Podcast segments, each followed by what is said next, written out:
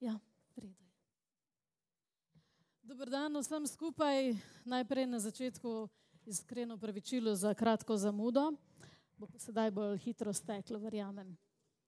Skratka, dobrodošli še enkrat, spoštovane kandidatke in spoštovani kandidati in vsi zbrani v tej dvorani, vsi tisti, ki vam je mar, kako boste obkrožili 20. novembra, kako boste se odločili in upam, da vam tudi to pomaga, da se boste bolj tehtno odločili. Sicer pa z nami danes aktualni župan, gospod Peter Dermol, stranka SD.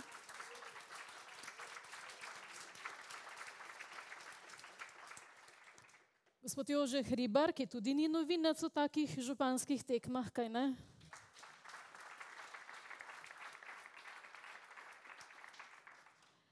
Benjamin Strozak se je tudi potegoval že za to mesto pred dvema letoma.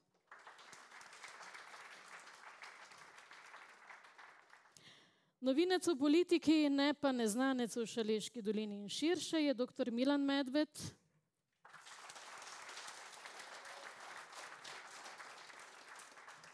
In še prodorni novinki, gospa Lidija Črnko.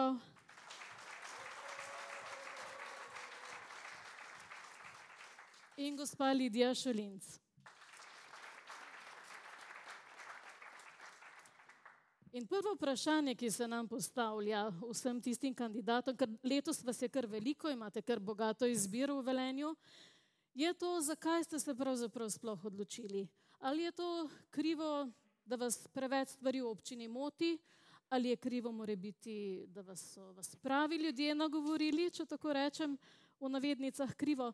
Pa bomo začeli mogoče z damami, mogoče kar z vami. Dober večer vsem skupaj. Ja, tako je. Mene je v bistvu nagovorilo predvsem moja kandidatura na na parlamentarnih volitvah, kjer se je izkazala za kar dobro, no. Moj volilni rezultat je bil presenetljiv, no, za marsikoga. Potem me je sama stranka predlagala, podpora pa tudi v družini, tako da sem se odločila.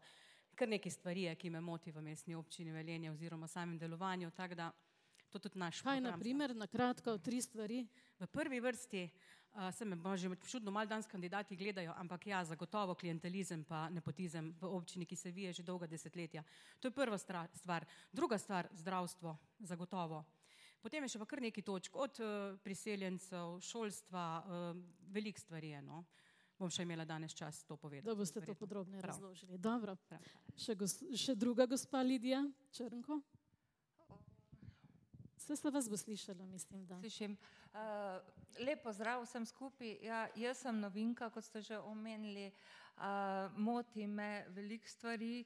Pravzaprav pa sem se za politiko odločila zato, ker sem v bistvu v pogovoru s prijatelji ugotovila, da Velenje stoji, da se ne razvija, da v bistvu tone v neko mesto duhov, in mislim, da je potrebno proaktivno vstopiti in narediti svoje, kar se lahko naredi. Dobro. Nadaljujemo kar z vami, gospod Benjamin Strozak. Ja, jaz sem se odločil že pred dvema letoma pravzaprav, ne, na nadomestnih volitvah sem poskušal in seveda tudi stranka me je podprla tudi na teh rednih volitvah, da tako rečem. Tu sodelujemo tudi z listo, na katerih je deset odličnih kandidatov. Zakaj, kaj me pa moti v Velenju, ne. Jaz kot podjetnik gledam na stvari malo drugače, ne. Predvsem me moti to, da se recimo zapravlja, bom rekel, naš denar, ne, iz proračuna za neke projekte, ki so bistveno predragi in pa pravzaprav za Velenje ne toliko, ne bom rekel nepomembni, ampak niso funkcionalni.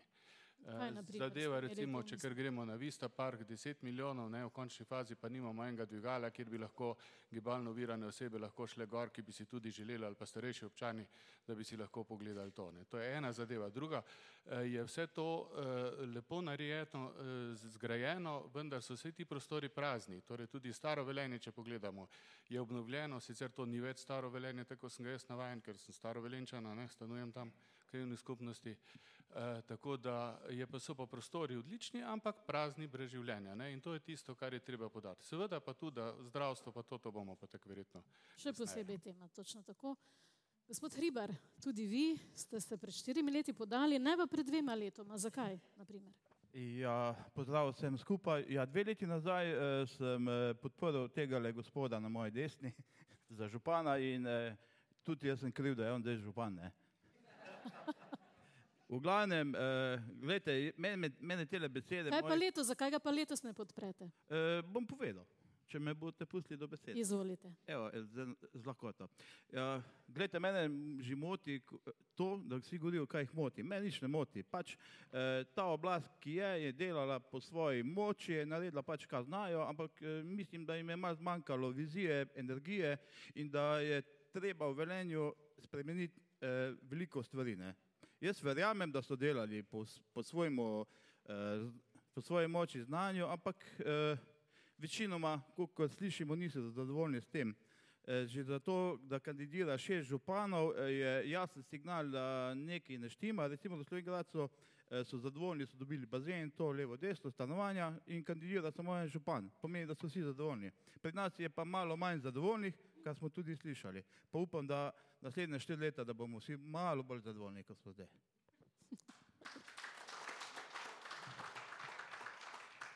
Gospod Medveč, vaše mnenje, zakaj ste vi se odločili za kandidaturo?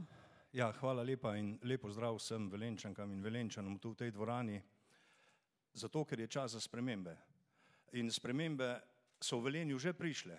Če tole pogledamo to situacijo, cela SD skupina se je usedla na desno. Zdaj, a to kaj pomeni? Na desno stran dvorane.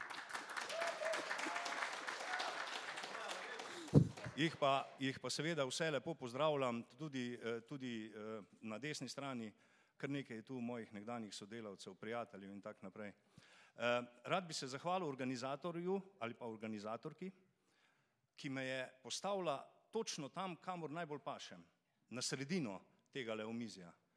Eh, Namreč jaz sem v svoji karieri bil veliko krat v situacijah, ko je bilo treba povezovati in leve in desne, in to je meni vedno uspevalo. Nekako imam ta feeling, kako lahko povežem ljudi različno misleče.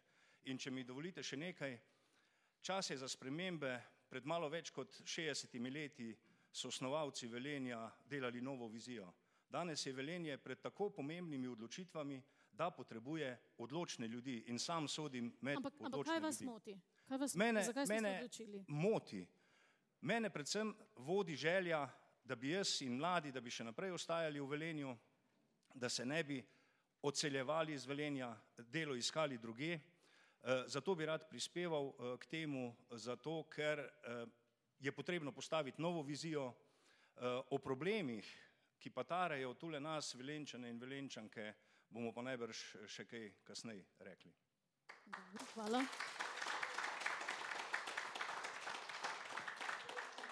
Gospod Dermol, za vas malce drugačno vprašanje. Ali pač tudi, kaj vas moti, kaj boste spremenili še? Jaz sem pa na eh, naše velenje izjemno ponosen, zato ker je to srčno mesto, ker tukaj ne pozabljamo, ja, tudi na vaše velenje. Jože, tudi ti si član našega eh, velenja, tako da z veseljem tudi tebi seveda eh, zahvala za vse tisto, kar prispevaš. Ampak ja, ponosen sem na velenje, zato ker v velenju živimo eh, odlični ljudje, kreativni ljudje, ki smo v vseh eh, zadnjih desetletjih lahko skupaj soustvarjali zgodbo, smo premagali marsikatero eh, uviro in konec koncev, ko danes pogledamo, eh, slišim, da, smo, da se ne razvijamo, eh, da eh, ni priložnosti. Poglejte, v zadnjem letu dni šli smo med 100 podnebno neutralnih mest do leta 2050, na, steza, na stežaj si odprli vrata za nepovratna sredstva, mnoga nepovratna sredstva. Pred nekaj dnevi smo eh, postali ambasadori, zeleni ambasadori Evropske unije, Ampak, pa dobro, ne za prihodne delo. Ja, prekinem. Uh, mislite, kaj spremeniti v teh dveh letih? Mislim, v dveh letih ste imeli Ja, nekaj več kot dve izkušenj. leti je naslednji Ja, tako da. uh, dve leti ste župan že, ne? Zato ali mislite še kaj spremeniti, vidite še kaj kakšne spremembe ali Ja, pa tem vsekakor. tempu naprej, Poglejte, po, po, po, po razvitosti smo pravzaprav v zgornjem vrhu eh, občin v Sloveniji, uh, sigurno brezposelnost je nizka. Kaj želimo spremeniti? Spremeniti želimo zgolj to, da nadgrajujemo vse tiste vsebine, ki smo jih zastavili, da bomo tudi v prihodnje eh, gradili nova delovna mesta, nova stanovanja, da bomo ustvarjali kvalitetno bivanje in da bomo skrbeli za ranljive skupine ljudi. Vse tisto, kar smo do zdaj počeli, To bomo počeli tudi v prihodnje, seveda z nekaterimi spremembami, spremembami na bolje. To vsekakor, kajti vedno znova pred nami so izzivi, ki tarejo neke spremembe in tem spremembam se moramo mi, predvsem pa naša generacija, znati prilagajati. Dobro, hvala.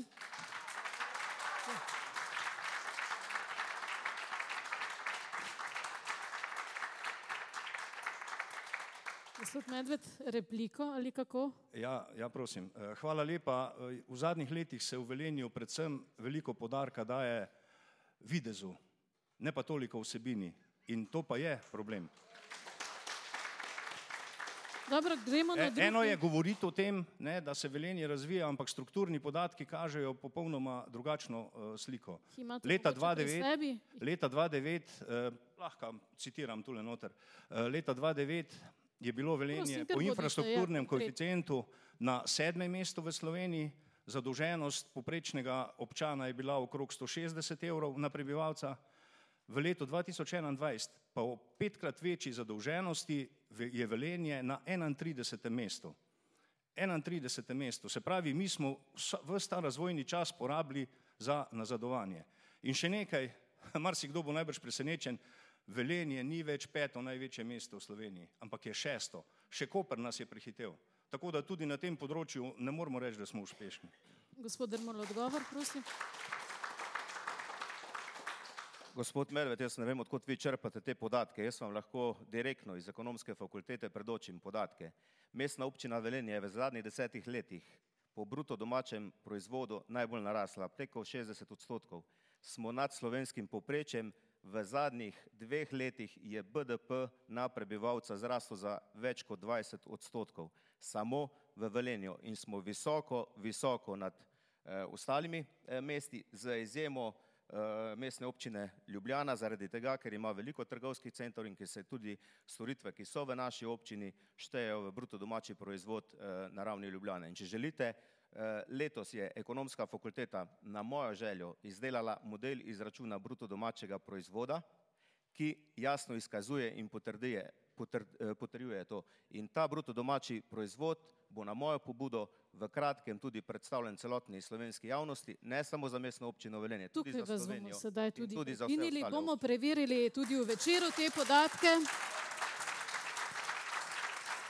Tako da se na tem mestu zaključujem debato o BDP-ju in o razvitosti. Bomo preverili in bomo videli, kateri od vaju je imel prav No, v nadaljevanju v večeru. Podatki so v vsakem primeru, si jih, jaz jih nisem naročil kot v tem primeru, ko pravi sedajni župan, ampak so podatki, ki prikazujejo situacijo za vse občine v Sloveniji. Prav, hvala lepa. Ministrstvo za infrastrukturo Samo gospod. Hriber še ima besedo, ko je še prosil za repliko. Ja, jaz bi sam dodal, da eh, tole obmetavanje za statistiko ne bo nikomu nič pomagalo, eh, ker ljudje navadni, ko grejo v trgovino, eh, si s tole statistiko ne morejo čist nič kupiti. Dobro, hvala lepa. Gremo v drugemu sklopu vprašanj in sicer ta je še vedno malo bolj ogrevalni, čeprav vidim, da vas je že prvo vprašanje čisto dobro razgrelo. In sicer nekatera vas poznamo, nekatera vas ne poznamo tako dobro, zato me zanimajo vaše delovne izkušnje. Sicer. Um, gospa Šulinc, mo- morda z vami začnemo. Seveda lahko. Uh, Zadnjih osem let sem samostojna podjetnica, nekako med celo življenje nekako v gostinstvo že veže. Um, sem se sicer izobrazila uh, v smeri organizacije socialne mreže, ampak nisem še do zdaj dobila priložnosti, da bi se lahko izkazala. Sem delala v različnih prostovoljnih projektih, tako da um, srčno sem to počela, za kar sem se izučila, Kaj pa ste se izučili? organizator socialne mreže. Uh, tako da zdaj pa več ali manj me veže gostinstvo in trgovina prej. Gospod Hriber, ker morda vi nadaljujete, ste v isti branži nekako. Ja, v bistvu trenutno sem SP, eh, eh, imam dva lokala, gostinska, plus tega imam glasbeno za- založbo zadnjo leto. Eh, predtem sem bil novinar, eh, delal sem na radiju, delal sem tudi na Vegradu in v Gorenju. To je to. V bistvu eh, upam pa, da bom zdaj naslednje štiri leta župan.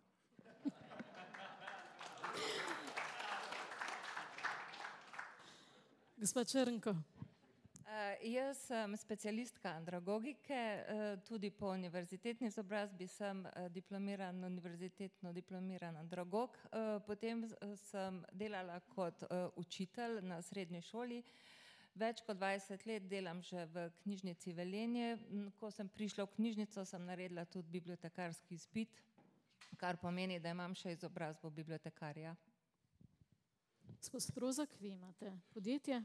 Ja, jaz sem pa celo življenje že podjetnik, da tako rečem, ne, sem diplomiran inženir tehnologije polimerov. Eh, Doma se ukvarjamo s plastiko, vmes sem bil tudi tri leta zaposlen v firmi Orka v Ljubljani, kjer sem bil vodja oddelka za prodajo plastičnih granulatov. Eh, Drugače pa sej kot tak eh, podjetnik moram sam skrbeti za sebe, a ne, se moram boriti dnevno na trgu. Imam izkušnje z vodenjem podjetij, eh, tudi sodelovanje z večjimi podjetji, bil sem tudi generalni zastopnik za firmo Schulman, eh, iz, eh, to je ameriška firma oziroma z, za Evropo in pa potem tudi za eno francosko firmo Polimix, ki je pač prodajala granulate. Tako da kar se tiče podjetništva in vodenja eh, financ in od 30 let, a ne, doma smo pa obrtniki že od leta 66. Hvala lepa. No, še preostala dva kandidata, pa večina nas pozna iz energetskih zgodb, vsak na svojem področju. In tudi, eh, kolikor beremo in kolikor smo nekatere tudi spremljali, ste se tudi vsi nekako srečevali tudi na sodišču. Eh, Sicer vaš en primer, gospod Remol, je bil zato, ker ste podpisali nekaj, kar so pod... pripravili drugi. Ne? Tako nekako. Pa me zanima, kako to zdaj na občini rešujete. Tudi tu vam v bistvu stvari drugi pod... pripravijo, vi pa podpišete. Ja, vedno dokumente drugi podrejeni sodelavke in sodelavci pripravijo. eh, In ja, moje delovanje v termoelektrarni Šoštanj je bilo zelo aktivno, produktivno in tudi zelo poučno. To, kar sem se tam naučil, pravzaprav je izkušnja, ki bi jo danes še enkrat ponovil. Veliko krat slišim, da sem bil krivdno razrešen zaradi nesposobnosti, pa če me danes date v to okoliščino, v tisti čas ali pa sedajni čas, bi isto postopal, kot sem postopal takrat, zato ker sem imel na mizi, da moram preko sto ljudi odpustiti, pa sem se temu uprl. Imel sem možnost, da dvignem roke, da grem brez kakršnih koli odgovornosti eh, iz teša, tega nisem sprejel in sem se rajše boril eh, do konca. Zato vam pravim še enkrat danes, če bi imel to možnost, bi to ponovil. Vse, kar je bilo pa kasneje na sodišču, je bilo pa meni uprit eh, razsojeno in to, da nekdo meni očital, da sem jaz preveč pomagal, pomagal sindikatu v neki energetski družbi, to samo govori o tem, kakšen človek si, kakšen človek sem in da eh, vedno sem dajal družbeno odgovornost pred kakršne koli osebne, pa tudi tiste gospodarske ali ekonomske interese.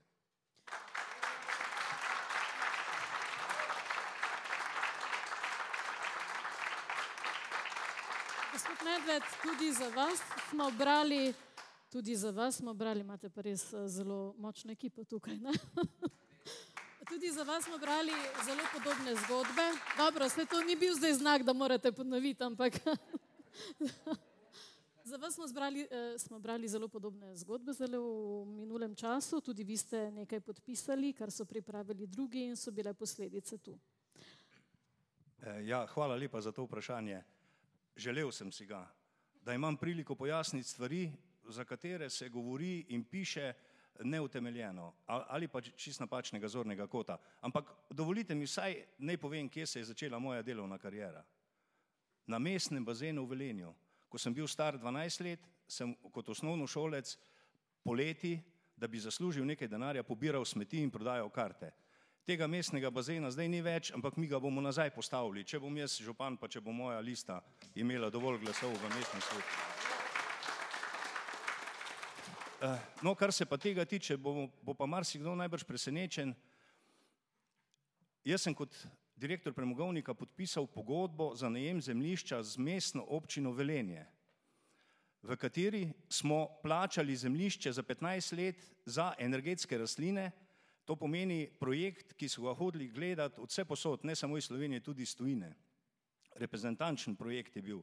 Ker premogovnik ni imel prave, eh, pravega zemljišča, smo ga najeli od občine Velenje.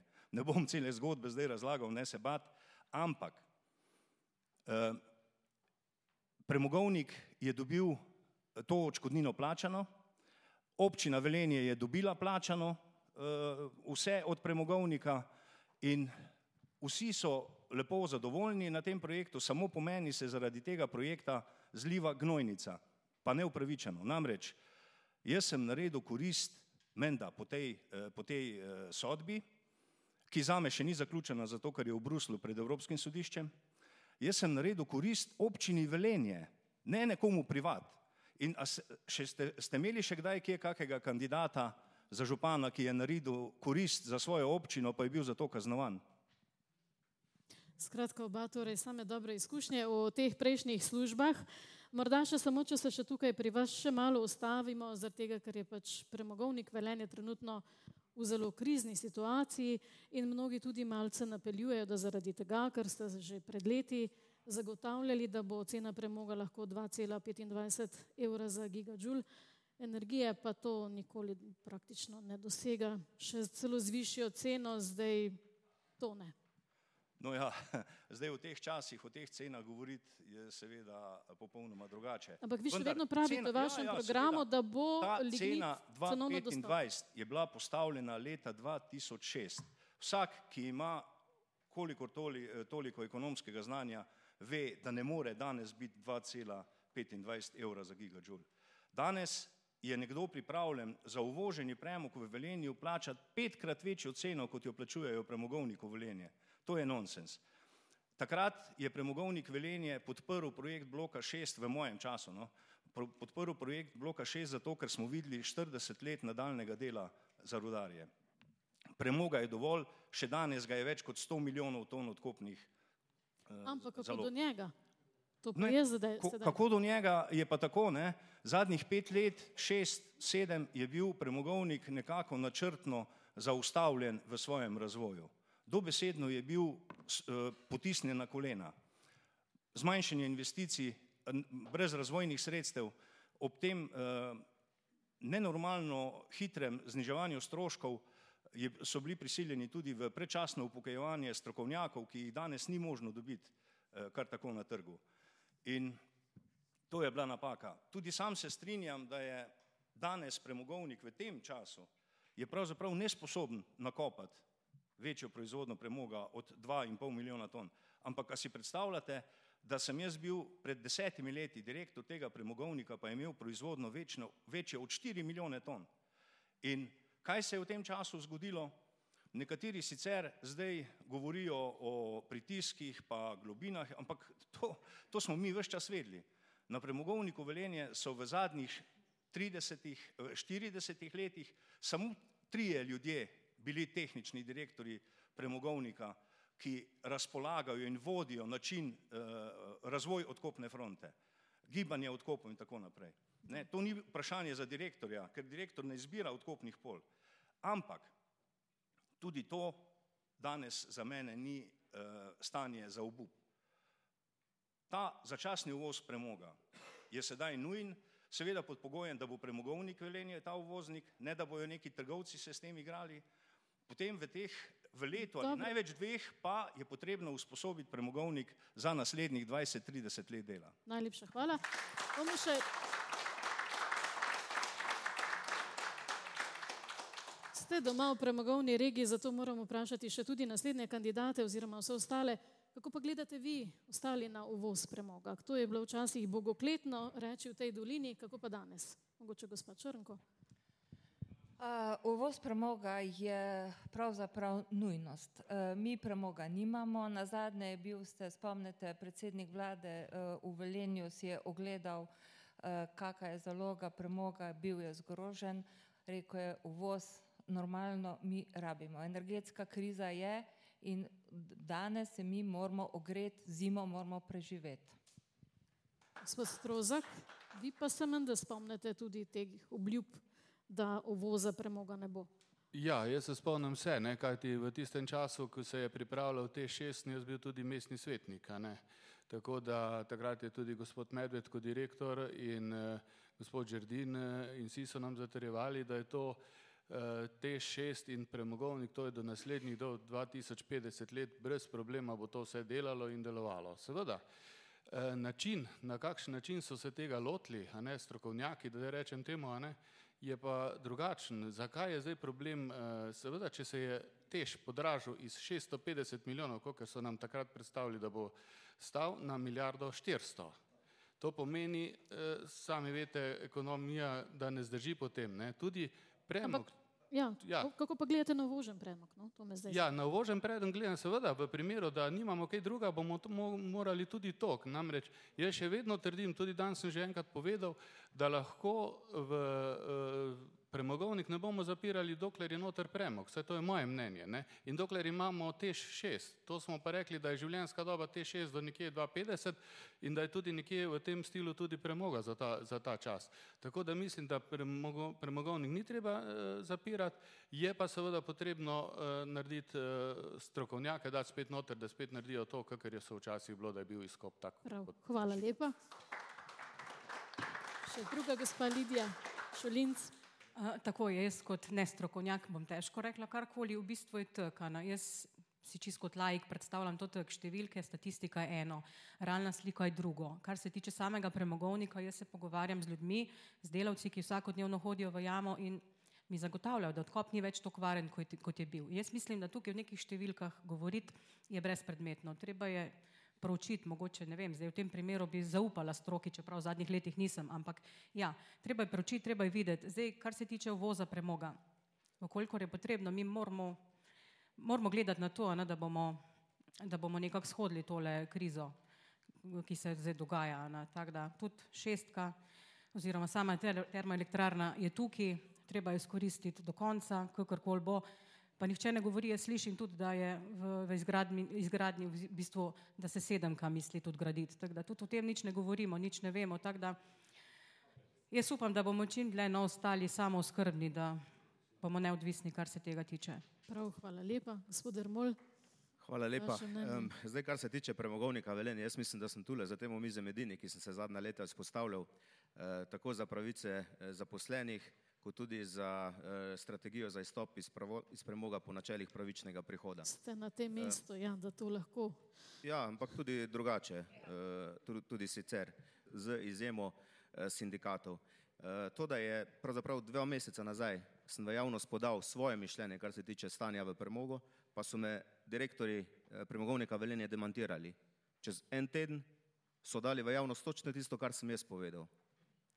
In to me boli. Boli me to, da nimajo toliko moškosti, da pridejo pred javnost in da povedo, zakaj je premogovnik v taki situaciji in da ne rešujejo preko takih težav potem Povejte vi, ker vam so Sem pa povedali. proti uvozu, to sem že večkrat povedal in tale uvoz premoga zelo stisnjenimi zobmi spremljamo. To tudi iskreno povem. In zato sem tudi oblikoval civilni nadzor, da bo spremljal in zahtevam za, pravzaprav za vsako tono, ki bo prepeljana in ki bo pokurjena, da imamo informacije in da seveda lahko mi eh, te informacije tudi dajemo. In gre pa tukaj za kratkoročno ukrep in pričakujem, da se bomo tega, kar sem se tudi osebno s predsednikom vlade dogovoril, da se bomo tega tudi striktno držali. Gospod Hriber, potem pa bi še vi besedo.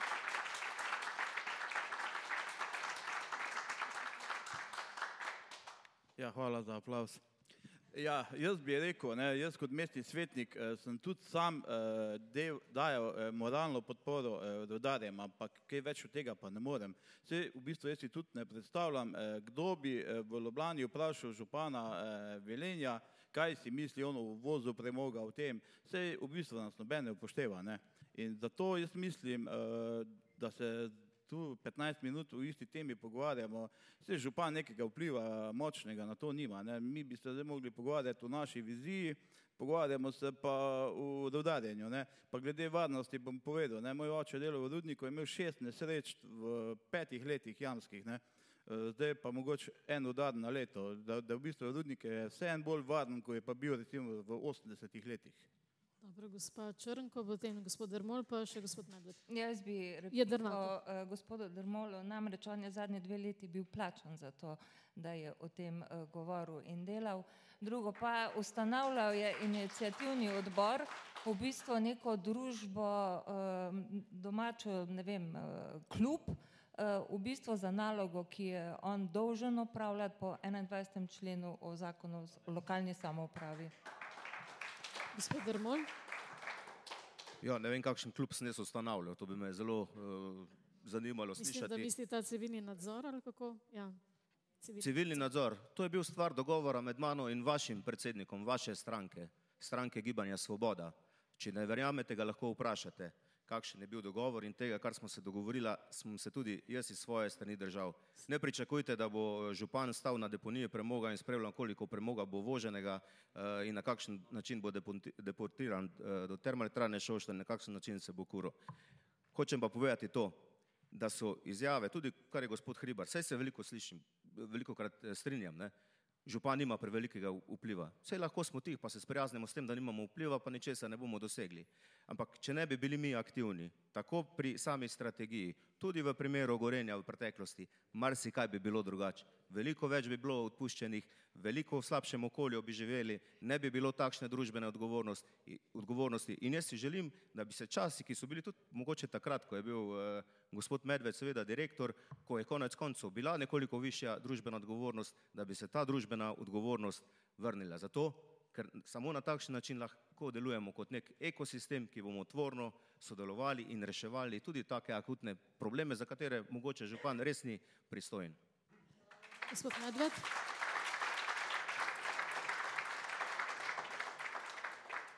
No, zdaj smo pa pravzaprav prišli do vašega prvega vprašanja, ki mi je bilo postavljeno. Zakaj sem se jaz odločil? Jaz smatram, da je bil glas vodilne strukture občinske v tem času, ko so rudnik zatirali, eh, omejevali, bistveno premalo čut, ker premalo se je zauzema, treba je izpeljati. Jaz garantiram, da bom kot župan občine Velenje naredil vse, kar je v moji moči, da bojo naše ambicije, naše želje, naše zahteve tudi uresničene. In pogledajte, jaz prihajam iz tiste generacije, pa je tule še kar nekaj, ki smo absolutno proti uvozu premoga. Ker ta uvoz je nepotreben, ker je še vedno na razpolago več kot 100 milijonov ton odkopnega premoga, zalog, odkopnih zalog premoga. Ni potreben. Ampak danes smo v taki situaciji, da tudi sam smatram, da je pa nujen za dve leti. Potem pa usposobiti premogovnik. In dovolite mi, da še to povem. Slovenija zadnjih deset let ni imela energetske strategije, elektroenergetske strategije. Ni imela, pa ni noben nič rekel okrog tega. Zdaj jo je pa spet začela dobivati. Pred enim mesecem je bila ena velika konferenca največjih strokovnjakov slovenskih. Um, Dobro, omejimo se bolj na lokalno raven, ker, prosim. to, ker najbrž pol ne bomo več govorili o tem. Da povem to. Ugotovili so, da je druga nuklearka v Krškem nujna, nujna. In če to vzamemo v zakup, potem ni realno pričakovati zapiranja premogovnika in teša pred začetkom obratovanja te nuklearke. Nekateri sicer pravijo, da je to možno 2035, ampak jaz jim pravim, da so to pa res izrazito, izrazito optimisti. Dobro, ampak ne vas na tem mestu, ste pa vi mene izvali. Kako... Do takrat bo premogovnik deloval, premoga je pa dovolj. Ampak kako boste vi to državno raven prepričali? Kako? Kako boste državno raven prepričali? No, z državo se nikakor ne bomo kregali, pa tudi s sosednjimi občami, občinami se ne bomo prepirali. Ampak država iskali... je določila 2033, trenutno še ni nič spremenila. Država, država je to v prejšnjem sklicu določila, zdaj le prihajajo v energetiko ljudje na vseh področjih, na najviše položaje, v katere imam pa jaz osebno zaupanje.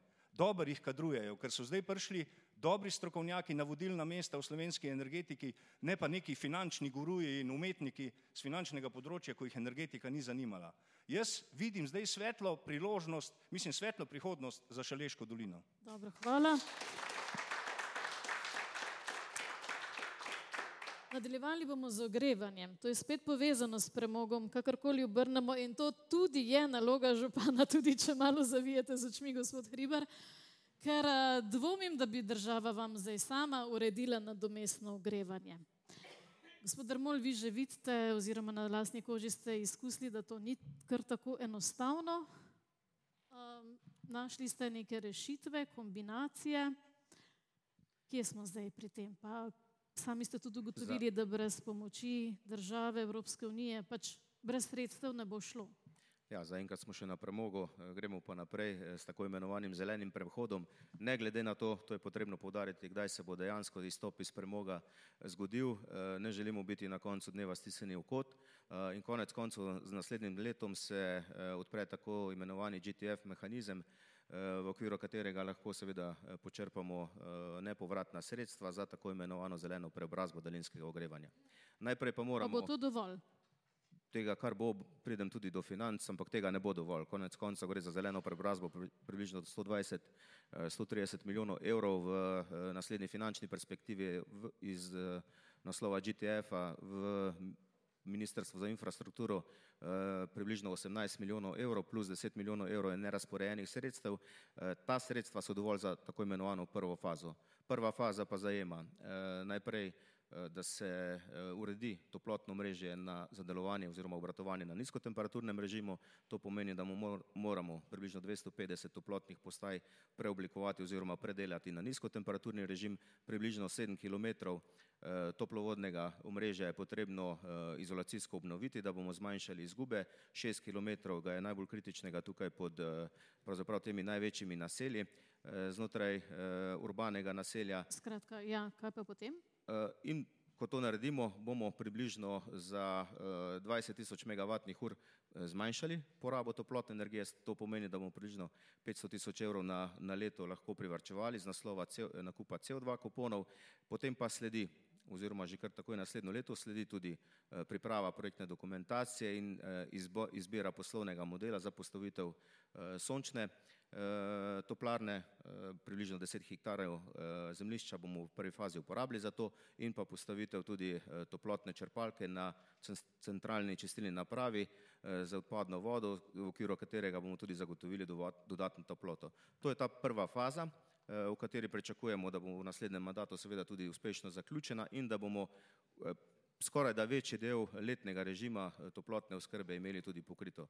V mestnem času, to se bo pa naslednjem letu odprlo, eh, poteka aktivna razprava o tem skupaj z Ministrstvo za infrastrukturo eh, in z Evropsko komisijo pa z energetskimi družbami. Ali gremo v svoj sistem kurjenja nekega odpadka, lahko je to biomasa, lahko da bo kaj drugega, ki bi ga umestili znotraj mestne občine Velenje. Mi se pa bolj zauzemamo, da ohranjamo energetsko lokacijo na območju termoelektrarne Šoštan in vkolikor bomo seveda v tem partnerskem eh, odnosu uspešni, bomo seveda eh, izkoristili to, to energetsko lokacijo in to postrojene in eh, v okviru te energetske lokacije zagotovili um, kurjenje, še enkrat, ali pa termične obdelave neke vrste odpadka tudi za zimski režim uh, oskrbe s toplotno energijo. Gospod Hribar, kako bi pa vi rešili ogrevanje in toplo vodo doline? Ja, jaz na te zadeve malo bolj široko gledam. Ne. E, zime so vsako leto bolj tople ne. in zdaj mene nekaj druga zanima. Nihče ne govori o tem, da bi imeli v Velenju končno centralno klimatsko napravo, ki tam že ena stoji, ampak eh, bolj slabo deluje. Da poletja smo videli letos, da so vroča, eh, zime so vedno bolj mile, mi se pa ukvarjamo s tem, eh, da nas ne bo zeblo, a poleti so ljudje umirali za vročine. Da je treba na te zadeve malo bolj široko gledati, ker se vidi, da se segreva ozračje, da bo te ljudi prej počasi začeti hladiti, ko ogrevati. Dobro, bomo šli še kar naprej po vrsti, gospa uh, Lidija Šelinc, da vas koga ne izpustim. Kar se tiče ogrevanja, jaz mislim, da zaenkrat um, je treba izkoristiti termoelektrarno Šoštan za naprej.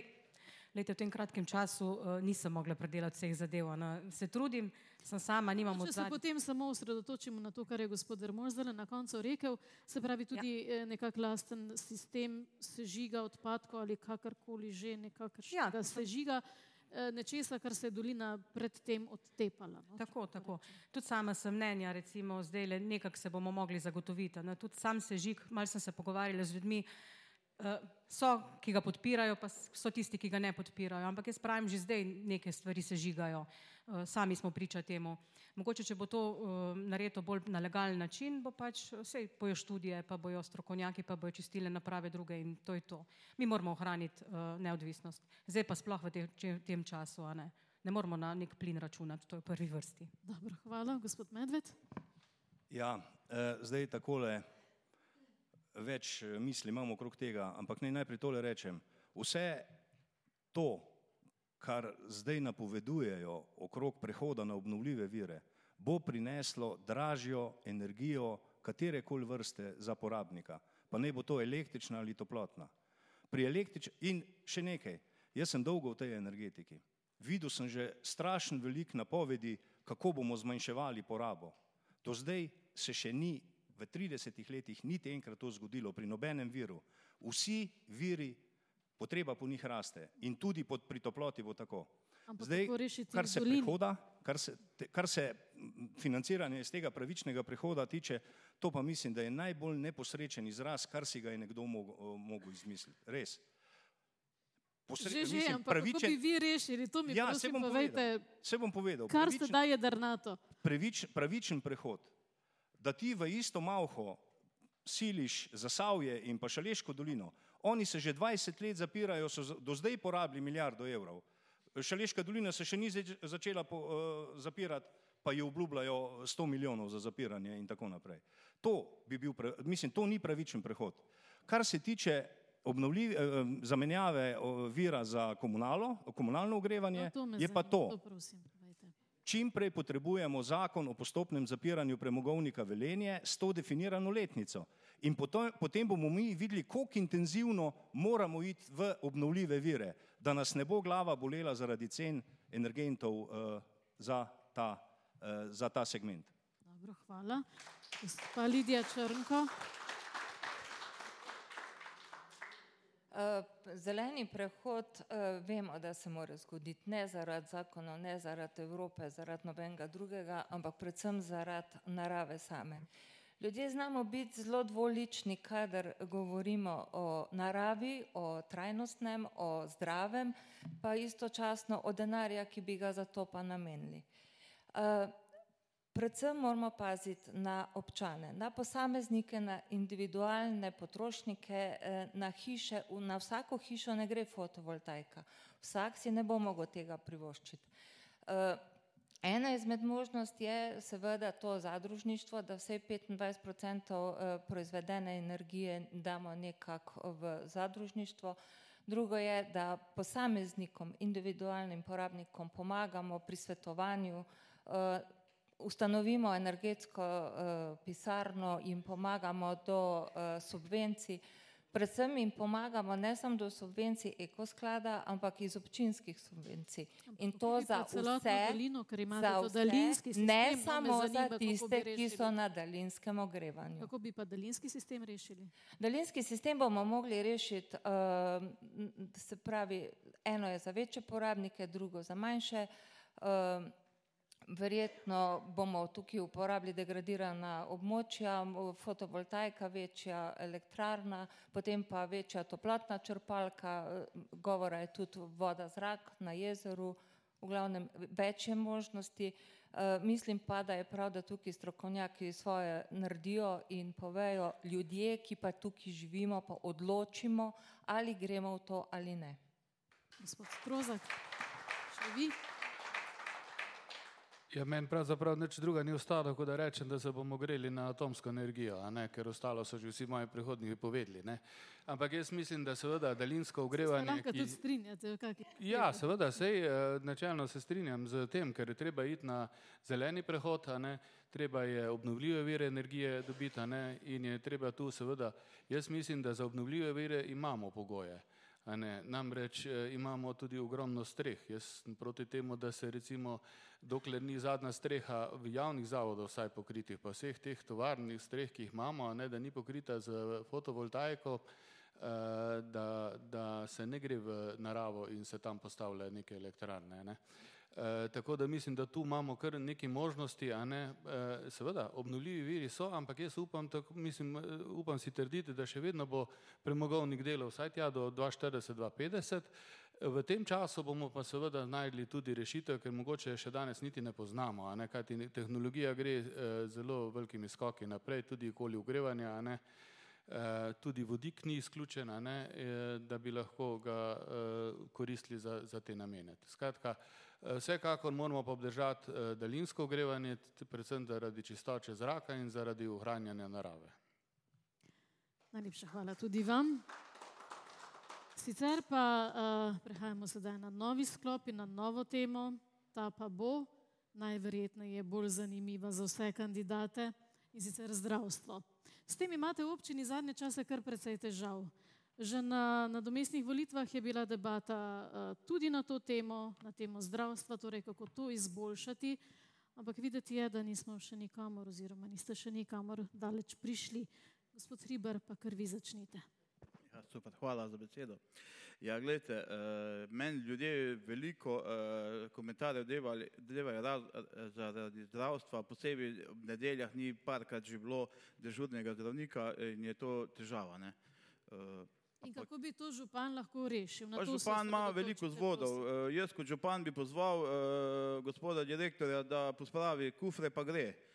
Nima bo tukaj. Uh, Glejte, če si nesposoben, si nesposoben, da že dve leti, tri leta razkazuje svojo nesposobnost na škodo nas vseh. In kot župan je treba udariti po mizi, pa reči, dosti je bilo tvojih eksperimentov, pa ti to nekam nazaj delati v Slovengrad. Skratka, kratka rešitev, torej z vaše strani. Gospod Dermol, kaj boste pa vi rekli? Ja, mi z direktorjem zdravstvenega doma smo imeli kar nekaj uh, razprav na to temo. Uh, seveda eh, ne želim javno polemizirati z njegovim priimkom uh, in v, te, uh, v tem, odkot prihaja.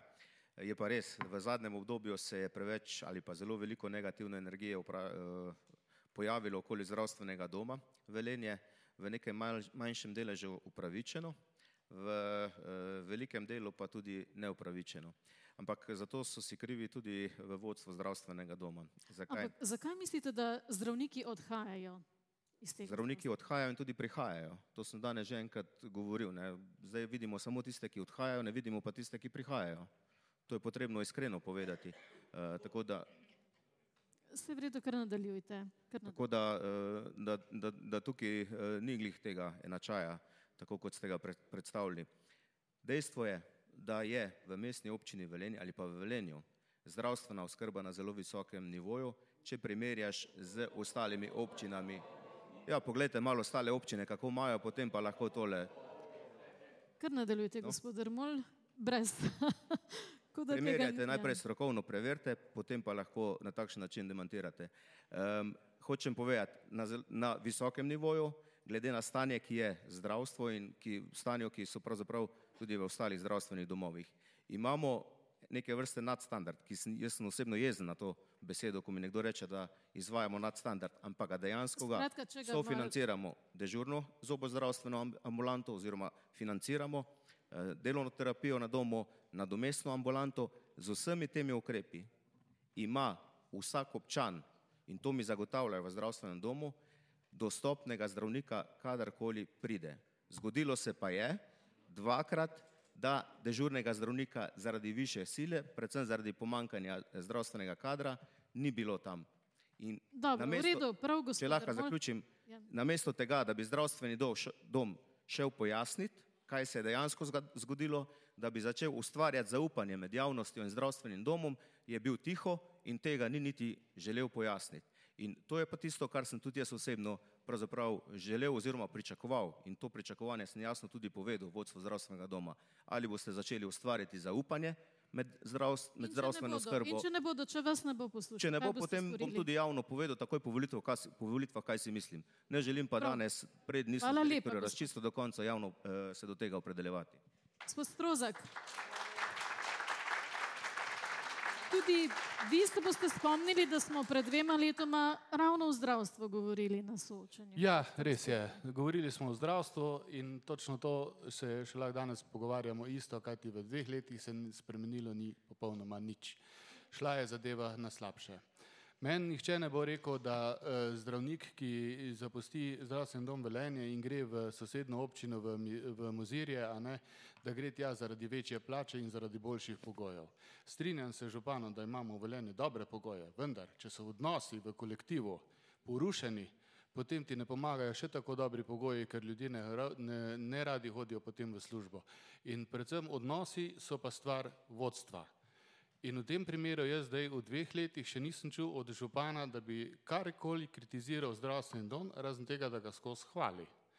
Kar se meni zdi mal Vi bi čudno. pa naredili kaj? Seveda, res, res. Treba je vodstvo zamenjati in potem ustvariti nove pogoje in nove, nove, nove eh, se pravi, odnose med ljudmi, popraviti, kar se da popraviti in narediti odnose take, da ljudje hodijo z veseljem v službo. Dobro, Namreč prav. to je najbolj pomembno. Jaz kot podjetnik vem, da če nekdo, če pride delavec men v službo slabe volje, pa da je da je neki, ne vem, tudi da ima doma probleme ali pa karkoli. Kje pa, da bi imel šele v službi? Skratka, na- v vrhu je težava. če V vrhu je težava in je Dobro, treba to prav. narediti, ker uh, Hvala lepa. ostalo imamo.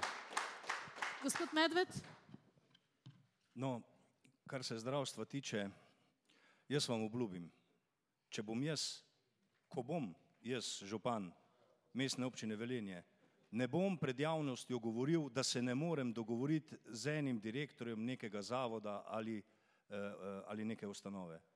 Ne bom, zato ker to je ključna naloga župana, da organizira delo v celotni občinski strukturi tako, da je učinkovito. Zdaj, malo me je zmotilo tudi prej, ne vem, če ste vi to eh, zaznali, ampak gospod Dermol je zraven rekel, sej vemo, odkot prihaja ali nekaj podobnega. Jaz vem, odkot prihaja. Ni iz Velenja, vozi se iz Slovengraca ali odkot iz Ravn.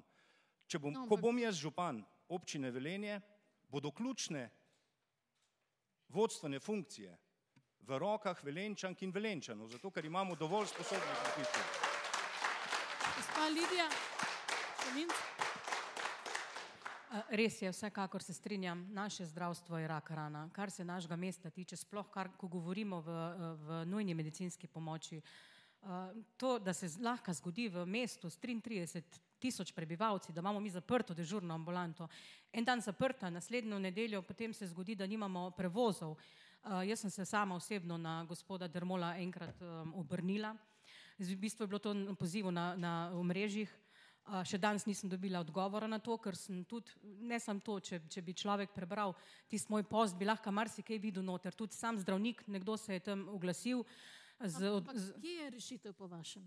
Kje je rešitev po vašem? ja, jaz mislim, da so res škarja, škarja da ima v rokah uh, uh, ta trenutek uh, gospod Dermol in mora udariti po mizi. To ne more to biti. Absolutno ne. Jaz mislim, da on postavlja ljudi na te načela teh služb in tukaj je potrebno, ja. Prav, hvala lepa. Še gospa Lidija Črnko. Zdravstveni dom Velenje je javni zavod. Javni zavod ima svet zavoda. Kdo sestavlja svet zavoda, kateri ljudje so tam, zakaj se odnosi ne porešijo. Nad, zavodom, nad svetom zavoda pa še vedno bdi župan. Se pravi, odgovornost je jasna, vloga posameznika v tej verigi jasna, ne vem, kaj se sploh še sprašujemo. Dobro, prav, hvala lepa. Replika. Ja, gledajte, kot župani boste morali poznati svoje pristojnosti, drugače pa lahko kršimo zakonodajo in delamo po, po vse počres, tako kot ste očitno, tako kot ste očitno nekateri navajeni. Nikoli od mene niste slišali, da sem hvalil direktorja družbe oziroma javnega zavoda. Vedno sem pa hvalil strokoven pristop vseh zaposlenih, zato ker vem, da so 20 do 30 odstotkov preobremenjeni, 20 do 30 odstotkov pacijentov več sprejmejo in jih obravnavajo, kot, eh, kot bi drugače bil normativ. To je prvo. Zakaj ne hodijo z veseljem v službo? Poglejte, socialna omrežja, to je tisto, kar sem prej govoril. Po socialnih omrežjih lahko vsakdo napiše nekaj čez neko zdravstveno osebje.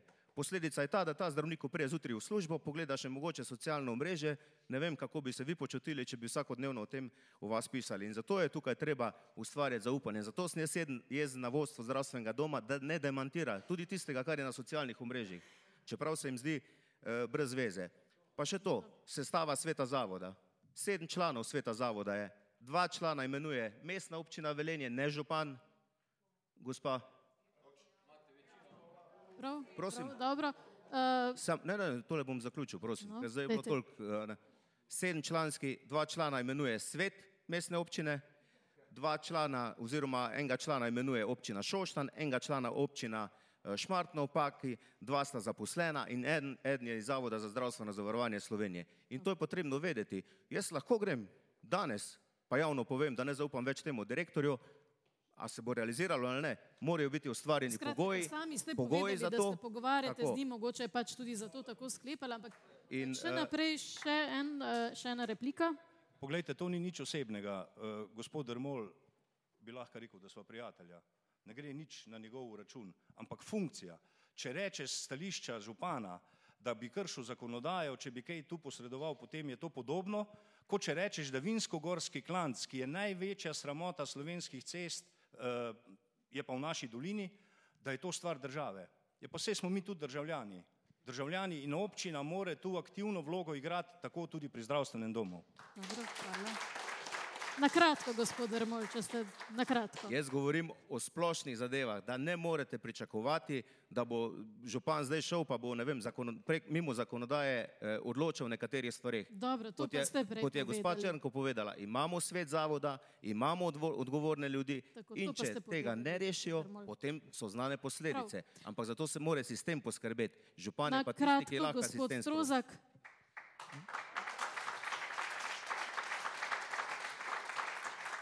No, jaz bi pa vprašal, če je svet zavoda, ima verjetno vodja sveta zavoda, ne, a je ta svet zavoda kdaj v, se vprašal oziroma karkoli dal kdaj na, na točko dnevnega reda eh, vodstvo zdravstvenega doma in njegovo delovanje, konkretno direktorja. To me zanima. Če je bilo kdaj na kjeršni koli točki, kdaj to obravnavano. Če je tako fajni, potem ni bilo, če je pa, če je pa slab, potem bi pa moglo biti. Se pravi, da je nekaj narobe z, v zdravstvenem domu. Prav, hvala lepa. Bomo zaključili s to debato in se bomo eh, prestavili na neko bolj lušno temo, vsaj običajno imamo vsi radi turizem. In uh, je pa tudi tukaj ena takšna, uh, to sem opazila, da imate v vaših uh, teh predvolilnih oziroma v vaših planih, načrtih, programih. Uh, večinoma vsi omenjate turizem, se pa tudi kar nekaj vas obregne ob visto. Um, mogoče gospod Hribar, vi ste jo omenjali, zakaj vas moti vista, kaj bi vi spremenili pri visti? Ja, gledajte, moti. Eh, Vista ni končana, ne, to je težava. Eh, To je objekt, eh, po mojem videnju, nedokončan. Nima, recimo, ima tam nek razgledni stolp, eh, ki pa ni dosegljiv invalidom. Ne. Ni, Tam bi moglo biti kakšno dvigalo, eh, invalidi gor ne morejo. Ne.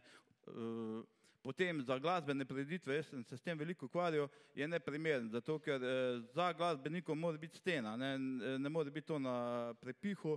Eh, Vse se je izkazalo na dveh koncertih, ko je padel dež, da je to vse elektriko ven vrglo, da, v bistvu, da so tudi izvajalci bili ogroženi. Vista je tu, zdaj porušiti jo ne moremo, lahko zamenjamo tista dva mastodonta, kar jih jaz obvezno bom, ne, ker mi gre ta res na živce.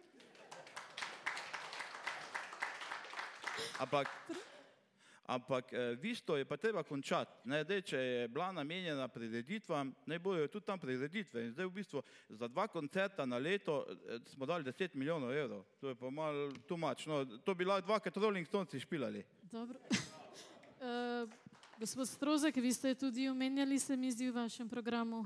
Ja, seveda, z Visto sem jaz že pred dvema letoma imel debato, a ne, da rečem v Visti. Ne, eh, to, kar je že Jože povedal, ne, da me moti, da pri 10 milijonski investiciji se ni najdlo 40 tisoč evrov za eno dvigalo za gibalno uvirene in starejše, kajti tisti klanc je zelo strn, če gre gor, tudi če so stopnice, so zelo nerodne, da tako rečem. Eh, Drugo, ni nareto za prireditve.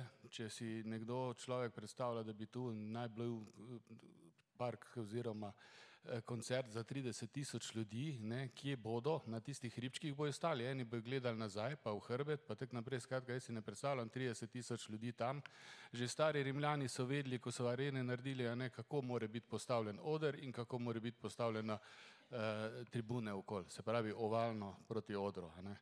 To je ena zadeva, druga ni, ni primerna za to, kar je že Jože povedal, tudi zadnji mora biti zaprto, ni z mix mize recimo nareto in nič. Še pred dvema letoma sem jaz rekel, da bi bilo potrebno kupiti uh, recimo zraven uh, kamp, ne. Torej, da greš delati nek objekt, pa se ne pozanimaš okolj za, oziroma ne kupiš, čeprav si imel ponujeno, ker predkupno pravico za kamp ni bil. Takrat bi dali občina 450 tisoč evrov za njega, a ne? sedaj ga je kupil uh, privatnik za milijon. Zakaj ne bi občina imela 600 tisoč, recimo, ne vem, v proračunu? To je ena zadeva. Skratka, uh, Pri visti smo, se bomo zdaj še tukaj mal. aha, Eh, dobro, ja. No, vse ste povezali, ampak vseeno. Uh, gospa Črnko, Uh, Vista še potrebuje nekaj denarja, to je jasno. Uh, za invalide ne vem, na kak način smo sploh to pozabili. Uh, treba je to urediti uh, in se tudi konc koncev dogovoriti, zakaj jo bomo sploh uporabljali. Uh, bom pa rekla, da bi bilo dobro, ker pač že stoji, ne bomo rušili uh, objekta, seveda ne, se je konc koncev lepa. Jo uh, nekako povezati v eno drugo zgodbo, a ne v eno turistično zgodbo in narediti iz tega uh, kot uh, ostale objekte, ki nam bojo ostali prazni, predvsem so to objekti, ki so bili do zdaj namenjeni promogovništvu in iz tega graditi zgodbo o turizmu. Gospod Medved. Ja, projekt Vista je pravzaprav projekt, ki, eh, to sem zaznal v razgovorih z občani in občankami, zelo deli mnenje v, v Velenju. Jih je nekaj, ki ta projekt podpirajo, kar precej jih pa je, ki smatrajo, da ta projekt ni dober, da ni na pravem mestu eh, in predvsem, da ni učinkovit. Zdaj sam osebno imam pa stališče naslednje. Ta objekt je tu in kot župan občine Velenje bom naredil vse, da bo dobil pravo vsebino, eh, v ta namen bomo formirali skupino strokovnjakov, bomo riskirali par deset tisoč evrov za to, da bomo naredili koncept vsebinske prenove tega objekta. Vendar pred vsebinsko prenovo rabimo še pa dve stvari. E, jaz nisem strokovnjak za prireditve, ampak e, rad pa prisluhnem, e, ker vedo več od mene o teh zadevah. Treba ga je tehnološko opremiti, da bo sposoben, da bo vista primerna za prireditve in pa infrastrukturo, zato ker parkiranje pri takem objektu, kjer pričakuješ 30 tisoč ljudi, parkirišče je pa na zelenici, ki je v prvem, prvem dežju eh, blatna, eh, se mi ne zdi primerno. Tako da infrastrukturo je tudi treba urediti. Oh, hvala lepa. Lidija. Ja, se, jaz se kar strinjam z mojimi predhodniki. Se pravi, v prvi vrsti je treba visto dokončati in uh, odpraviti vse nepravilnosti, ki so se tam zgodile. Se pa sprašujem, ne vem, zakaj, če smo jo naredili, pa smo zdaj le gledali Pikin festival spet v samem mestu. Uh, ne vem, uh, treba je te prireditve tja predstaviti.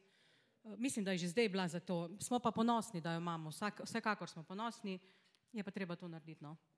Gospod Dermol, zdaj ja, pa so vam kar istočnice dane. Ne? Kar nekaj istočnic me pa veseli, da večinoma teh se pa zelo radi slikajo na visti ne? in zelo radi potem objavljajo tudi na socialnih omrežjih. Um, Vista, Vista je večnamenski prostor, to je prvo potrebno povedati. Projektirala se je leta, leta nazaj, ne bi jaz danes razpravljal, ker je bilo neodgovorno tudi do preteklih, bom rekel tudi do pokojnega župana in do vseh ostalih, zakaj je Vista na takšen način sprojektirana in zakaj je takšna. Takšno smo naredili, In strinjam se, prvo leto je pokazalo, da so nekatere pomankljivosti. Predvsem o tem, kar so sogovorniki povedali, se strinjam in to seveda tudi sprememo. Tega se zavedamo zdaj že zadnjo leto. Težava, ki je, da so tukaj zadaj evropska sredstva in da neposredno, brez soglasja Evrope, v takšen prostor oziroma takšen objekt ne smeš posegati pet let. Po petih letih pravzaprav lahko obljubim, zagotovim, da bo takoj tudi stalo eh, dvigalo za invalide. Do takrat, če ne bo soglasja, če bo pa soglasje prej, bomo pa že prej za to poskrbeli. Um, tega se zavedamo. Zakaj ni Pekinga festivala uh, na tem območju? Je zato, ker smo se enostavno odločili, tržne dejavnosti se bodo odvijale na Pekin, eh, na, na Visti, v Starem Velenju, netržne dejavnosti, ki jih sami organiziramo, bomo imeli znotraj mestnega središča. In to je poanta. In kaj je zdaj izziv? Izziv je predvsem to, da mi nadgradimo Pikin festival v tržnem smislu, da tudi tržne vsebine damo na samo visto in na takšen način postopamo tudi pri ostalih eh, objektih oziroma eh, dogodkih. Pa še to, v zadnjem letu smo organizirali približno 40 dogodkov na sami visti, preko 44 tisoč obiskovalk in obiskovalcev lahko pogledate, kje vse je bila vista omenjena. Odličen prostor, odlično izhodišče, se pa strinjam, nekatere pomankljivosti, ki so, jih bo potrebno odpraviti. Prav, hvala lepa. Kratka replika, sem da še malo dolgi že. Če bomo mi prevzeli oblast v občini na teh volitvah, bo že letos pred koncem leta na visti okrog nje piki na božična vas. Prav, hvala lepa. Gremo še na eno malo bolj zanimivo področje, zanimivo bolj za te, um, mogoče res bolj gostilniške debate, ali, ampak vseeno. Osebno premoženje, to je običajno osebna stvar posameznika, ne pa če si tudi politik hkrati. Zato smo vas v večeru že poprosili za te podatke in smo jih že tudi objavili. Uh, predvsem pa izstopata iz te razpredelnice dva gospod Drmul, pa gospod Medved. nekdo, ki ima, pa nekdo, ki nima nič. No? Ampak eh, se mi zdi, da glede na to, da ste tudi vi bili na zelo odgovornih položajih, je nekako nenavadno, da nimate premoženja. Zakaj ga nimate? No, to sploh ni nič nenavadnega. Ne.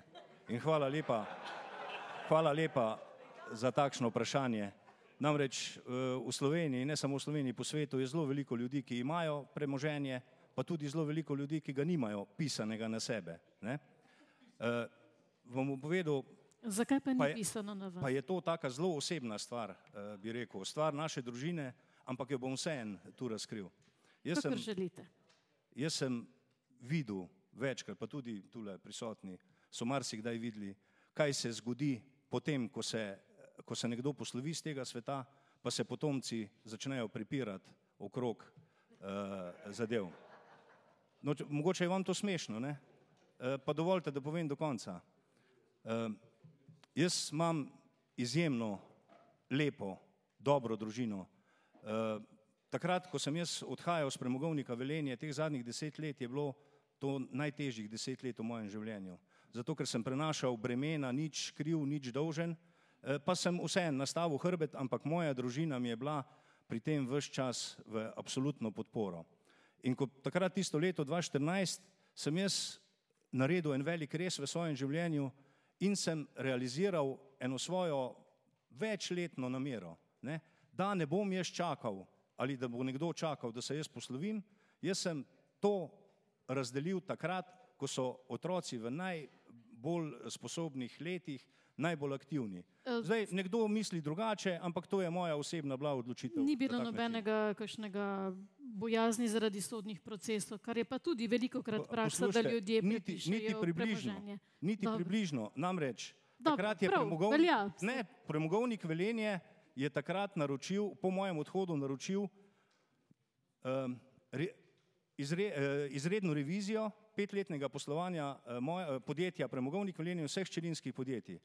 Ernest Young, resna revizijska hiša, je to pregledala, več kot 600 milijonov evrov pogodb je bilo podpisanih, pa niso našli niti ene napake, niti ene osnove za tožbo. Jaz sem namreč bil 300 da moji sodelavci dobro delajo in dobro smo delali. Ni bilo napake. Zato, da so pa mene kompromitirali, ker če hočeš biti všečen v Ljubljani, ne smeš misliti svojo glavo, so si pa izmislili tole pogodbo z občino Velenje. Pa prosim vas, občinsko priznanje bi mogel zaradi tega eh, po- pogodbe dobiti. Uh, gospod Ermol, kakšen je pa vaš razlog, tudi vi nimate tam, ko stanujete, tistega premoženja, nimate pisanega na vas? V bistvu um, imam kredit, to ste verjetno opazili ne? na sebe.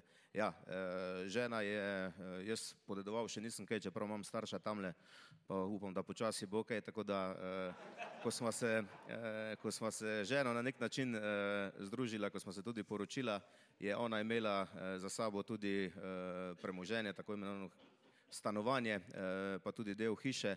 In takrat smo se tudi odločila oziroma skupaj smo se eh, na nek način dorekla, da glede na to, da je tudi eh, garantira za eh, samo nepremičnino, da bo tudi celotno, eh, celoten objekt oziroma hiša, ki smo jo kupila, pripisan eh, oziroma pisan na njo.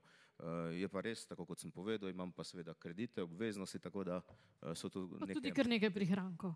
Prosim? Pa tudi kar nekaj prihrankov, v primerjavi z Prihranki- ostalimi kandidati, prihranki, mislim. prihranki so, nek- neki so, lahko povem, 70 tisoč evrov skupnih prihrankov z ženo, z vsem tistim, kar je bilo uh, že prej podedovanega in kar sem konec koncev tudi v vseh teh letih uh, zaslužil, uh, tako kot direktor v družbi Termoelektrarne Šoštan, pa seveda tudi, bom rekel, v tem obdobju, ko sem na mestni občini Velenje.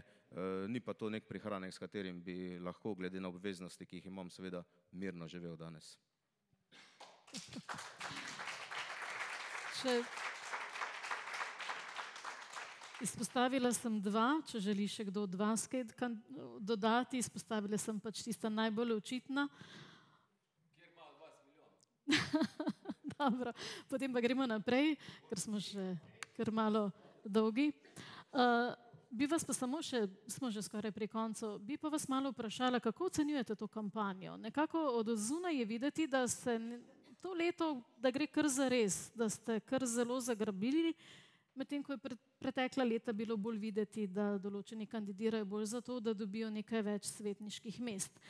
Se pa medtem že tudi kaj zasledi na, predvsem na družbenih omrežjih. Naprimer, vi, gospod Hribar, ste omenili dogodek eh, z gospodom uh, Medvedom, čež da vas je prosil, da odstopite od kandidature. Kako je to bilo?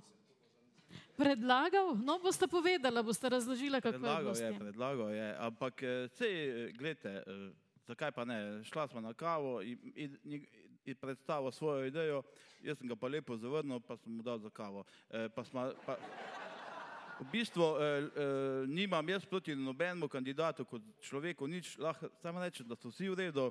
E, Ne, res, kot ljudje so vsi v redu, pustimo funkcije, to so pa zdaj druge zadeve. Ampak eh, drugače pa predlagam, da vsakmo demo malo glasov, da bo drugi krok. Gospod Medved, če ja. vi pojasnite to. No, zdaj morate čuti pa drugo plat medalje. E, mi dva se prej nismo poznala, čeprav moram reči, da sem ga kar parkrat spremljal na VTV-ju in je imel za mene take zelo, zelo pametne ideje. Pametno je govoril o občini Velenje. No, resnica je pa ta, da ko smo se vidva to srečali, on meni začel razlagati, pa sej jaz sploh nočem biti župan. In to še on zdaj ponavlja. A je tako? Res? Kako je zdaj ja, s tem, gospod Hriber? Na to ga nisem jaz prosil, pa sem rekel, pa zakaj pa potem kandidiraš? Pa ne kandidirati. A je rekel, ne, to pa bom vse en, ker delam promocijo sam sebi. Gospod Hriber? Ja, res je, gledajte, mi imamo mlado stranko, delamo za velenje, naše velenje in eh, takole smo medijsko izpostavljeni, da eh, oglašujemo naše ideje, eh, če bi kandidirali samo za mestni svet, nas pa ne bi noben niti povohal. Sam za to. Dobro, no, prav, hvala lepa. Pa še sam pomorem. Ste imam eno vprašanje še za vas, gospod ja. Medved, ker vi ste pa ravno tudi na, na, na Facebooku komentirali, eh, vas so pa zmotili plakati, ki jih razpošilja SD. Ja. Eh, če lahko to razložite. Um, kar nekaj je tega. Uh, se pravi, uh, tole mislite po krajovnih skupnostih? Tako, ki pa ste nekako komentirali, se je to zdaj občinsko delo ali strankarsko ja, ja. delo. Ne, to pa ni moj komentar, ampak so me ljudje z terena na to upozorili. Namreč na teh vabilih, ki jih razpošilja uh, stranka SD, ki podpira uh, kandidata gospoda Drmola, mislim za kandidata za župana, piše, kaj vse so naredili. Ne? In potem spodaj ne piše proračun mestne občine Velenje, ampak piše SD. Jaz nisem bil do zdaj v politiki, pa sem se šel mal, eh, sem se dal podučiti in so mi povedali, da SD ne more financirati ceste na, v Cirkovce, da je to najbrž medobčinski, mislim, eh, občinski proračun naredil. Ma, ampak tudi to me ne bi motlo, namreč v Velenju je pa kar nekaj kritičnih točk, kot je tisto križišče pri Pikadiliju, pa ceste, ki pokajo, pa zdaj eh, trava raste po sredini asfalta po Velenju, pa me zanima, če je tudi za to SD kriv. Bomo še sedaj eh, gotovo, da na to temo pa imate tudi vi sami kakšne komentarje, gospod Stroza, kako vi ocenjujete to kampanjo, kateri ste sedaj priča in ali morda tudi vi kandidirate iz istega razloga kot, kot gospod Hribar? Ne? Uh, ne, jaz ne kandidiram iz istega razloga kot gospod Hribar, ne, ne rabim promocije, nimam gostilne. Malo heca, ampak pogledajte. No, jaz bi dodal, da jaz spustim, da rabim promocije za gostilno, ki mi fulaufa. Eh, gre za to, da kandidiramo verjetno vsi trije tule vseh šest zato, ker, ker želimo sprememb. Sprememb na bolje. In to je tisto, kar je recimo moje vodilo. Ne? Jaz kot podjetnik vem, da lahko, eh, da ne morem ustvarjati eh, oziroma da bom, ne vem, kupil stroj za 100 tisoč marka ne? in potem ali pa evrov ne? in bo potem stroj stal tam na miro, in ne bom nič delal z njim. Ne. In to se v Velenju s tem proračunom dela. To, kar pa recimo eh, sama kampanja, jaz sem skočil v kampanjo takrat, ko je potrebno skočiti v kampanjo, se pravi 30 dni prej, smo dali plakate, narediti vse, redno spremljamo porabo, katero nimamo neomejenih sredstev kot nekateri, ne, in eh, tudi eh, okoli tega bi bilo fino vedeti, kaj gre. Ne. Je pa res tako, kot je gospod Medved rekel, ne, ni vse naredila SD. Ne. Imeli smo pred časom že eno kampanjo, veliko jumbo plakatov, da je vse ena stranka v Sloveniji naredila. Ne. V Velenju je podobno, ne samo z druge strani. Dobro, hvala lepa. Gospod Dermol, mogoče zdaj trenutek za vas. Ja, vse imate odgovor. Ne? Vse, kar je slabo, je kriv SD in župan, kar je pa dobrega, so pa vsi drugi zahvalni za to. Ne? Vse to je dejstvo. Tako pač poteka. Um, Marsikaj, mars, marsikaj od tega je bilo danes slišati, zakaj vse smo krivi, se pravi, tisto, kar je pa dobro, se pa ne bi smelo izpostaviti. Jaz sem pa vesel in ponosen, da sem imel svetniško skupino socialnih demokratov za sabo v tem dvoletnem mandatu, da sem imel tudi starejšo populacijo, da sem imel tudi levico, da je pravzaprav bila koalicija, ki je podpirala vse te dobre projekte. In če ne bi socialni demokrati dvignili roke pri sprejemanju proračuna in za vse te projekte, teh projektov ne bi bilo. To je potrebno pa jasno in glasno povedati. Pa še to, vsak občan lahko sodeluje pri pripravi proračuna s svojimi sugestijami, s svojimi idejami, ampak nažalost teh sugestij, teh idej, teh predlogov ni bilo. Tako da ne vem, komu drugemu naj pripišemo te zasluge, kot seveda koaliciji v mestnem svetu. Dobro, hvala lepa. E, samo trenutek, še gospa e, Lidija in še dve Lidiji, potem pa čas za kratke replike. Izvolite. V bistvu jaz kot uh, čista novinka na tem področju um, so me kar dolgo rabili prepričevati, da sem se podala v ta boj. Um, tudi jaz, mogoče tule se je malo smešno slišalo, sem na Jožetovi strani. Mi tudi želimo v prvi vrsti preboj, ker imam toliko dobrih kandidatov okoli sebe za župana, da bi jaz zelo težko parirala njim. Ne, zdaj v tem trenutku pravim za župana, uh, velikih je tule zraven mene, tako da jaz mislim, da še nisem dorasla temu, ampak bom pa se borila, to pa je dejstvo. Ja, hvala za iskrenost. In še gospa Lidija Črnko. Uh, jaz sem se odločila pravzaprav zaradi odgovornosti. Uh, res je, da si želimo na boljš, res je, da si želimo sprememb. Če ne bomo sami delali, ne bo verjetno do tega prišlo. Uh, o kampanji bi pa rada povedala, da se strašno zabavam in če bo še naprej tako dobro, kot je bilo danes, z veseljem še naprej sodelujem. Dobro, hvala lepa. Um, Gospod ja. Medved, ja, vi ste želeli repliko. Ja, ja, ja. Um, hvala lepa. Zdi, Zdaj za tole debato pravzaprav ste pa kar en mal vi krivi, ne, vi osebno, ker ste nas provocirali, da govorimo samo o problemih. Ker če bi se hvali s tem, kar je dobrega bilo narejeno, bi bilo dolgočasno. Ampak, naj tule pa zelo lepo. Pa cilj je, da grejo stvari na bolje, ja, kaj ja. ne? Ni, ni vse narobe, kar je bilo narejeno, niti približno. Marsikaj je bilo dobrega narejenega. Marsikaj bi pa lahko bolje naredili in zato je čas za spremembe. Strozak. No, malo vetra mi je vzel iz jader eh, Milan. Uh, isto sem mislil povedati. Ne. Tudi vmes, če ste poslušali, sem povedal, da, ni, da imamo lepe prostore, imamo lepe objekte, ampak ni vsebine, ni življenja. To je tisto, kar moramo spremeniti. Ne. In pa tudi, predvsem, ko jaz gledam proračun, pa na erarku pogledaš, a ne vidiš, eh, kakšne stvari se dogajajo, kaj plačujemo vse, ne. Uh, tu se mi zdi, da bi se dalo z istimi sredstvi narediti veliko več in veliko bolje in predvsem bolj kvalitetno. Že sami vidim, če že visto, ko smo prej omenili, ne, na otvoritvi se je usulo dol, pa je teklo iz strehe dol, ne, mislim vmes. Tako da pač kvaliteta ni. E, ne vem, zakaj, zakaj imamo vedno čas trikrat popravljati, nikoli pa narediti prvič dober. Dobro. Hvala lepa. Še replika, gospod Hriber? Ja, jaz bi samo še povedal na koncu. Uh, res, da nimam neke ambicije, da bi bil župan, ampak če bojo ljudje me izvoli, se bom pa uprl, eh, bom se pa, pa pač podredil volji ljudstva, ja, in je to to. Dobro. Gospod Dermol? Ja, eh, sam to vse lepo je, bom rekel, sedeti takole za mizo pa modrovati, eh, kaj bi bilo dobro, kaj bi se lahko dobro naredilo, kaj slabo, to lahko eh, seveda zna vsak. Eh, potrebno je iti pa na teren. Jaz sem pa ponosen, da sem bil dve leti na terenu, da sem bil vsakodnevno med ljudmi, po krajovnih skupnostih, po mestnih četrteh, da sem organiziral generacijski forum, ki je bil prepoznan kot sistem dobre prakse sodelovanja z javnosti na ravni Evropske unije in da sem neposredno od ljudi dobival eh, pobude, vse tiste izzive, s katerimi se soočajo in smo to umeščali v proračun. In na to sem ponosen in lahko povem. Prej ste rekli, da ste od stranke SD dobivali pobude, niste sam... Ne, ne, stranka SD je podprla projekte, Dobre. o tem sem govoril. Brez podpore teh projektov na svetu ne bi bilo realizacije teh projektov. Te projekte pa predlagajo ljudje na različne načine in tukaj sem izjemno ponosen in se tudi zahvaljujem vsem tistim, ki so, tudi tistim, ki so kritični do mene, bili včasih, da so dajali svoje pobude in svoje ideje. Dobro, hvala lepa. Uh, zdaj ste že imeli, gospod Strozak, boste pa še zdaj na koncu vsi imeli možnost na kratko povedati, to pa res samo za zaključek, kakšen župan boste, če boste. Gospod Hribar.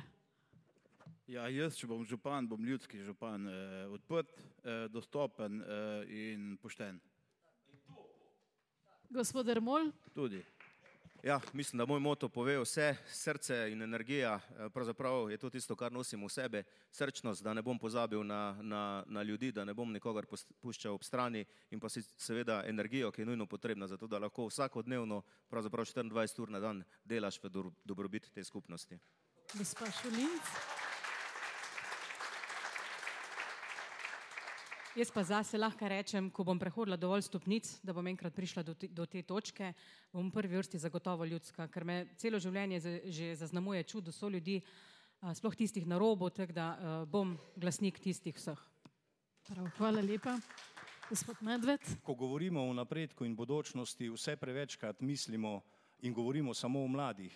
Jaz bom kot župan poskrbel, da bomo mislili tudi na starejše, še starejše in najstarejše, ker je to naša dožnost. Kot župan mestne občine Velenje bom pa župan vseh občank in občanov Velenja, ne samo ene ali druge strani. To obljubljam. In pa čas je za spremembe. Gospa Lidija Črnko. Eh, Jaz bi zase rekla še enkrat odgovorna eh, in pa predvsem povezovalna do vseh, od mladih do starejših, eh, do slehernega občana v tej dolini. Hvala lepa. In še gospod Strozak. No, ko bom jaz župan, bom tudi seveda deloval v korist vseh občanov.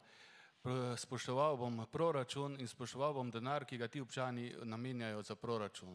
To pomeni, da bodo investicije vodene veliko bolj pregledno in veliko bolj natančno in veliko bolj kvalitetno. Eh, Upoštevali bomo želje občanov in za- zavzel bom tudi za participativni proračun, a ne, kjer bodo lahko občani s svojimi idejami eh, odejanjali eh, želje in da jim bomo eh, omogočili vse tisto, kar si želijo. Prav. Najlepša hvala vsem, obema kandidatkoma in eh, vsem štirim kandidatom. In hvala tudi vam za pozornost, da ste bili z nami, tudi za navijače, seveda. Eh, In želim vam, da se boste 20. novembra tudi more biti ravno zaradi tega soočanja pametno odločili. Določena dejstva, ki smo jih danes tukaj slišali, bomo po večeru še preverili in objavili v naslednjih številkah večera. Hvala lepa in lahko noč. Hvala lepa.